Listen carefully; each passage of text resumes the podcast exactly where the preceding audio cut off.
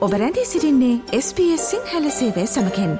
වැඩිතුර තොරතුර දැනැනීමට පිවිසන්න ps.com.ta/ Sinhala වෙපඩවයට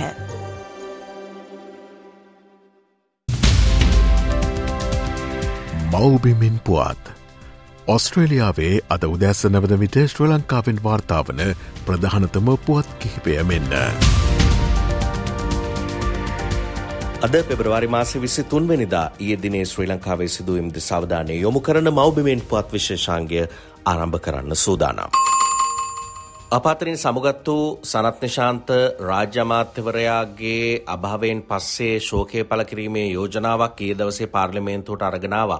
මෙහිදී අදහස් දක්වපු ජොන්ස්ටන් ප්‍රනාන්දු හිටපු අමාත්‍යවරයා සඳහන් කළේ සනත් නිශාන්ත රාජ්‍ය අමාත්‍යවරයාගේ මරණය පිළිබඳව යම් සැකයක් පවතින බව ඒ සම්බන්ධයෙන් යම් කෙනෙක් ඉන්නවා නම් ඒ කණ්ඩායම් අත්අඩංගුවට අරගෙන දඬුවම් දීම අවශ්‍ය බව ජොන්ස්ටන් ප්‍රනාන්දු හිටපු අමාත්‍යවරයා පාර්ලිමේන්තුවේදී අදහස් පළ කරමින් සඳහන් කළා. අදටත් අපි දන්නේ නෑ මේ සලත් නිශාන්ත ඇමතුමාගේ මරණය සැලසුම් සහගත මිනිමරුවක්ද සාමාන්‍යයෙන් අනතුරකින් පත්වෙච්ච මිනිමරුමක්ද කියන එක ගැන තාමත් සැකයක් තියෙනවා. ඒ සැකය එතුමාගේ බිරිඳට තියෙන නිසා තමයි බිරිඳ ගිහිල්ලා අපරාධ පරීක්ෂණ දෙපාර්තමේන්තුවේ පැමිණිල්ලක් ඉදිරිපත් කරන්නේ. ඒ වගේම අපි දැක්කා සමාජ මාධ්‍යයේත් මේ සම්බන්ධව කතිකාවක් ඇති වුණා විතරක් නෙමෙයි මරණයට ආපු කීප දෙනෙකුත් මේ කතිකාව ඉදිරිපත් කරනවා අපි දැක්කා. ඒ නිසා මේ උත්තරදී සභාවේදී මම මතක් කරන්න කැමතියි පළවෙනි දේ තමයි අපරාධ පරීක්ෂණ දෙපාර්තමේන්තුවට දාපු පැමිණිල්ල ඉක්මනින් විභාග කරලා. එහෙම දෙයක් සිද්ධ වෙලා තියෙනවා නම් ඒ කවුද කින්ද බන්ද කියලා හොයලා ඔවුන්ට නීතිය හමුවට ගෙනල්ලා දඬුවම් පමනන එක. ඒක අනිවාර්යෙන් කළ යුතුයි.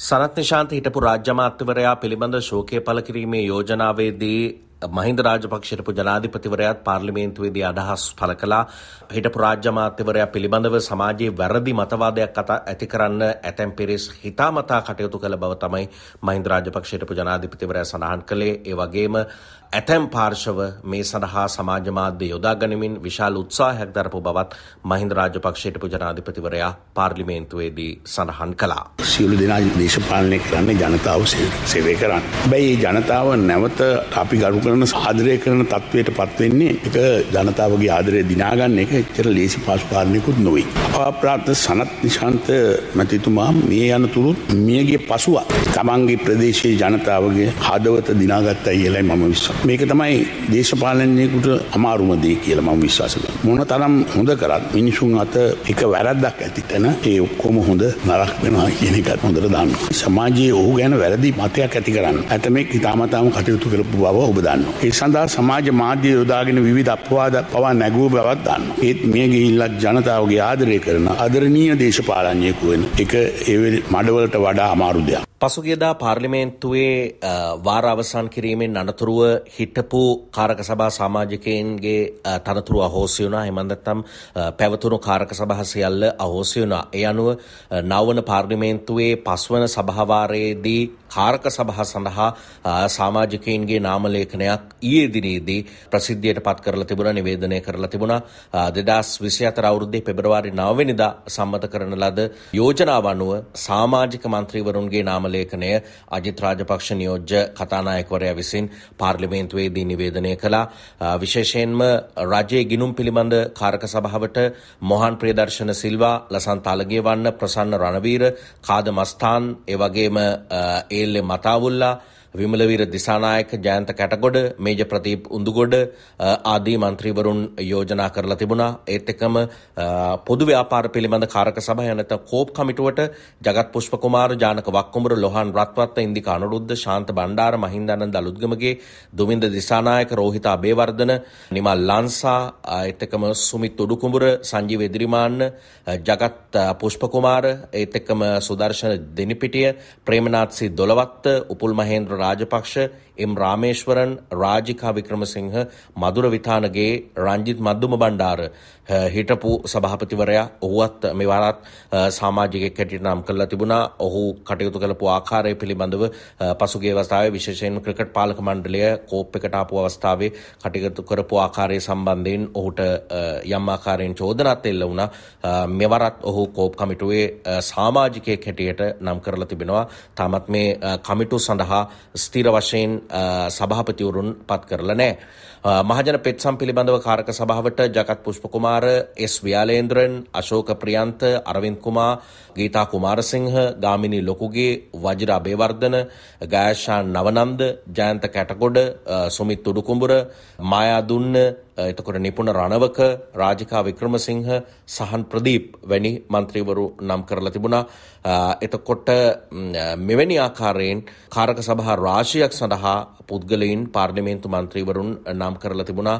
පාර්ලිමේන්තු සහ ආචාර ධර්ම සහ වරප්‍රසාද පිළිබඳ කාරක සභාවටත් පාර්ලිමේන්තු මන්ත්‍රීවරුන් නම් කරලා තිබුණා. පවිත්‍රා වන්‍යාරච්චි, විජයදාස රාජපක්ෂ, විජිත බේරුගොඩ, තාරක බාලසූරිය, අනුරාධ ජයරත්න, චමල් රාජපක්ෂ, ජොන්ස්ටන් ප්‍රනාන්දු මහින්දානන්ද අලුත්ගමගේ ජයන්ත කැටකොඩ මදුර විතානගේ සමන්ප්‍රී හේරත් මේ ආදී වශයෙන් සියලු කාරක සභහ සඳහා මන්ත්‍රීවරුන්ගේ ලේඛනය ඊයේ දවසේ නියෝජ්‍ය කතානායකවරයා ප්‍රසිද්ධියට පත් කරා ඉදිරියේදී මේ අතරින් මේ කාරක සභා සඳහා සභාපතිවරු තෝරාපත් කරගන්නු ඇති.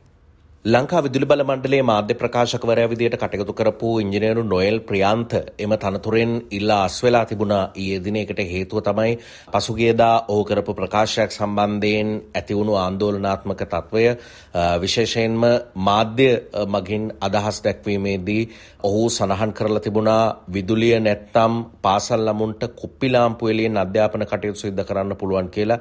විශේෂයෙන් වතු ජනතාව අරඹයා තමයි මේ ප්‍රකාශය සිද්ධ කරලා තිබුණේ.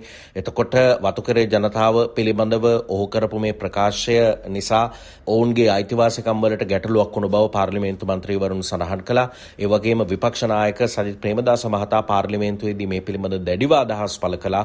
විශේෂයෙන් වතුකම්කරු ජනතාව අතරින් එක් පුද්ගලයෙකු විදුලිය වැදීමෙන් මේ යාමේ සිද්ධියකුත් පාදක කරගෙන සජිත් ප්‍රේමදාස විපක්ෂ නායකවරයා පාර්ලිමේන්තුවේදී මේ පිළිබඳව දැඩිව අවධානය යොමු කළා. ඔබතුමා දැනගන්නට ඕන උඩරට බල ප්‍රදේශයේ බදුල්ල ප්‍රදේශයේ තාත්තා කෙනෙක් මිය ගිහිල්ලා තිබෙනවා. මොකද ගෙදර ලයිට් කපලා ඒ තාත්තා යාබද ගෙදරෙන් අවසරය අරගෙන ඒ තාත්තට විදුලි බිල ගෙවන්නට බැරි වූ මොහොතක ඒ දූ දරුවන්ගේ අධ්‍යාපනය වෙනුවෙන් ඒ ලයිට් එකක් ඇඳගන්නට යන අවස්ථාවේ ඒ තාත්තා මිය ගිහිල්ලා තිබෙනවා. මම මේ කතා කරන්නේ මේ ඇමතිවරු පිළිබඳ නෙමෙයි. මේ පිළිබඳව විදුලි බල හා බලශක්ති අමාත්‍යංශයේ ප්‍රකාශකයා කියනවා ඕක සිදුණු දෙයක් නෙවෙයි. ලයිට් අවශ්‍ය අවශ්‍ය නැහැ දූ දරුවන්ට ඉගෙන ගන්න. මොකද තාත්තා විදුලි බිල ගෙවා ගන්නට බැරුව ඒ ලයිට් එක ඇද ගන්නට ගිහිල්ලා තියෙන්නේ මේ යාවද නිවසෙන් අවසර ඇතුව දරුවන්ට ඉගෙනුම ලබා ගන්න. එතකොට එහෙම දෙයක් කරන්න අවශ්‍ය නැහැ. දරුවන්ට කුප්පි ලාම්පෙන් ඉගෙන ගන්න පුළුවන් කියලා කියලා දෙනවා. නෑ මම ඉල්ලීමක් කරනවා කරුණා කරලා මේ වගේ කැත ප්‍රකාශ රජයේ ප්‍රකාශකයෝ ක්‍රියාත්මක කරන එක පිළිබඳව විනය පරීක්ෂණයක් කරන්නට ඕන. ඒක එක කතන්දරයක්. ඊළඟට ඔහු කියනවා මේ රටේ වතු ප්‍රජාව මේ පිරිමි හවස දෙක වෙනකොට හොඳට බීලලු ඉන්නේ. මේ රටේ වතු හිටපු ප්‍රජාව දසලක්ෂ ගණනකට මේකර අපහසයක් මට ඒක ගැන කතා කරන්න අයිතියක් තියෙනවා මං අහන්න කැමති කොහොමද මේ ප්‍රකාශකයා එක පැත්තකින් අර තාත්තට අපහස කරනවා ඒ පවුලට අපහස කරනවා ඒ පවුලට කියනවා කුප්පි ලාම්පියෙන් දරුවා ඉගෙන ගත්තට කමන්නේ නැහැ කියලා. අනික් පැත්තෙන් කියනවා වතුකම්කරු ප්‍රජාව හවස දෙකනකොට බීලා ඉන්නේ කියලා. මේක മന്ത്രിවරයෙක් කරපු දෙයක් නෙමෙයි. මේක ප්‍රකාශකයෙක් කරපු දෙයක්. ඒ නිසා මම ඔබතුමාගෙන් ඉල්ලීමක් කරනවා වහාම මේ විදුලි බල මණ්ඩලයේ ප්‍රකාශකයට විරුද්ධව ගණ්ඩ විනය පියවරක් විදුලි බල මණ්ඩලේ හිටපු මාධ්‍ය ප්‍රකාශකවරයා සිදු කරපු මේ ප්‍රකාශ පිළිබඳව තවත් බොහෝ දෙනෙක් තමන්ගේ විරෝධය විපක්ෂ නායකවරයා වගේම සඳහන් කරද්දී ඊයේ දිනේ වන විට ඔහු තමන්ගේ තනතුරෙන් ඉල්ලා අස්වෙලා තිබුණා. මේ පිළිබඳව රජ්‍ය අවධානය යොමු ඇති බව සාය සම්බන්ධයෙන් ක්‍රියාමාර්ග ගන්න බව දිනේශ් ගුණවර්ධන අග්‍රාමාත්‍යවරයාම පාර්ලිමේන්තුවේදී අදහස් දක්වමින් ඊයේ දිනේ සඳහන් කළා. විරුද්ධ පක්ෂ නායකතුමා නගන මේ ප්‍රශ්නයට අපි මේ වෙන විටත් ඒ නිලධාරියා කර තිබෙන ප්‍රකාශයේ සත්‍ය හා අසත්‍යතාවය මත අවශ්‍ය විනය පිළිවෙපියවර ගැනීමට උපදෙස් දීලා තියෙනවා මම ස්තුතිවන්ත වෙනවා විපක්ෂ නායකතුමාටත්. මේක නැගීම ගැන. ඒ වගේම රාධකෘෂ්ණ වතුකම් කරු නායක මෙතන ඉන්නව ගරු මන්ත්‍රීතුමා. ඔබතුමාලා තොන්ඩමන් මහත්තලා සියලු දෙනා වතුකම්කරු ජනතාවගේ අභිවෘද්ධිය පිණිස ගන්නා වූ ක්‍රියා මාර්ගයට රජය කිසිම හානියක් හෝ අපහාසයක් කරන්න බලාපොරොත්තු වෙන්නේ නැහැ. ඊයේ දවසේ කොළඹ පැවැත්වුණු මාධ්‍ය හමුවකට මහජන ආරක්ෂක අමාත්‍ය ටිරාන් අලස් මැතිතුමා සහ වැඩබලන පොලිස්පති දේශබන්දු තෙන්නකෝන් මහත්මයා සහභාගි වෙලා හිටියා. විශේෂයෙන්ම වැඩබලන පොලිස්පතිවරයාගේ මාස තුනක දුරකාලය සම්බන්ධයෙන් මාධ්‍යවේදීන් ප්‍රශ්න කරා ඊට පස්සේ මේ මාස තුන අවසන් වුණාට පස්සේ මේ තනතුරට පත්වෙන්නේ කවුද කියලා මාධ්‍යවේදීන් ටිරාන් අලස් ඇමතිවරයාගෙන් විමසීමක් කළා. එහිදී පොලිස්පතිවරයා වර්තමානයේ වැඩ වැඩබලන පොලිස්පතිවරයා ලෙස කටයුතු කළත් ඔහු සමග වැඩකිරීමේ පහසුව සහ විශේෂයෙන් යුක්තිය මෙහෙයුම ඉදිරියට අරගෙන යාමාදී කරුණු පිළිබඳ සලකා බලලා ඔහු සඳහන් කළා විශේභාර අමාත්‍යවරයා විදිහට දේශබන්දු තෙන්නකෝන් වැඩබලන පොලිස්පතිවරයාම පොලිස්පතිවරයා වීමේ බලාපොරොත්තුවක් තමන්ට තිබෙන බව ඔහුම පොලිස්පතිවරයා ලෙස කටයුතු කරනවා නම් තමන් කැමති බව ටිරාන් නලස් විශේභාර අමාත්‍යවරයා සඳහන් කරා. නැත්තම් අර රූකඩ මූණක් දාගෙන වැඩ කරනවට වැඩිය ඔහු සමග ඉදිරියට මේ මෙහෙයුම කරගෙන යන්න කැමති බව ප්‍රසිද්ධියේ ටිරාන් නලස් විශේභාර අමාත්‍යවරයා සඳහන් කළා. ඒ අනුව ඉදිරියටත් වැඩබලන පොලිස්පති දුරය ස්ථිර පොලිස් පොලිස්පති දුරයක් දක්වා ගෙන යන්න විශේභාර අමාත්‍ය ටිරන්නල සැමතිවරයාගේ කැමැත්ත දේශබන්දු තෙන්නකෝන් වැඩබලන පොලිස්පතිවරයාට තිබෙන බව ඊයේ දවසේ පැහැදිලිව සඳහන් කරා. නමුත් ඔහු කිව්වේ පොලිස් කොමිසමාදී ආයතන කටයුතු කරන්නේ වෙන ආකාරයකට ඔවුන් කෙබඳු ආකාරයකට කටයුතු කරයිද කියලා දන්නේ නැහැ නමුත් විශේභාර අමාත්‍යවරයා විදිහට Taman මේ මූණම පොලිස්පතිවරයා දක් වෙනවා දකින්න කැමති බව. එම නැත්නම් දේශබන්දු තෙන්නකෝන් වැඩබලන පොලිස්පතිවරයාම පොලිස්පතිවරයා ලෙස කටයුතු කරනවා දකින්න කැමති බව ටිරන්නල ස්පේෂභාර අමාත්‍යවරයා මේ මාධ්‍ය හමුවේදී සඳහන් කළා. පසුගේදා පාර්ලිමේන්තුවේ සම්මත කරගත්තු ඔන්ලයින් පනත එබඳත්තම් මාර්ගගත ක්‍රමවල සුරක්ෂිතභාවය පිළිබඳ පනත් කෙටුම් පත පිළිබඳව පොලිස් දෙපාර්තමේන්තුව පැත්තෙන් අදහස් පල වුණා. මේ පනත පිළිබඳ දැනුවත් කරන්න මුදල් අමාත්‍යංශ ශ්‍රවණාගාරයේ සම්මන්ත්‍රණයක් පවත්වල තිබුණා.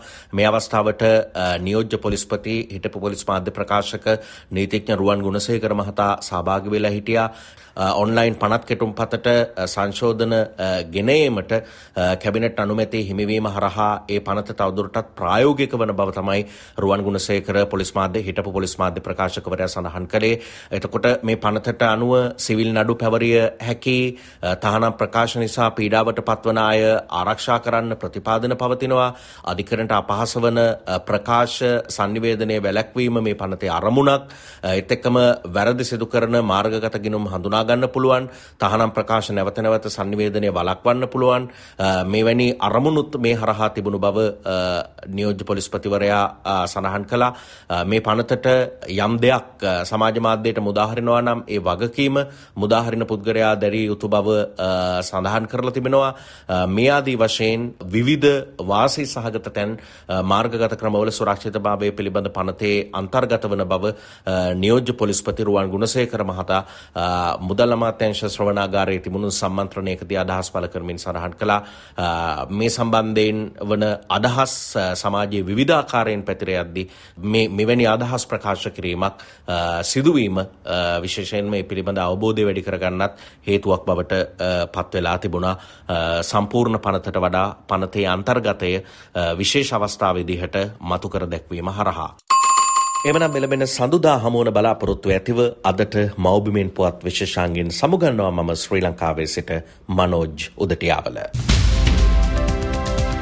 මෞබිමෙන් පුවත් ශ්‍ර ලංකාවෙන් වාර්තාාවන ප්‍රධානතම පුවත් කිහිපය SBS සිංහල සේවෙන්.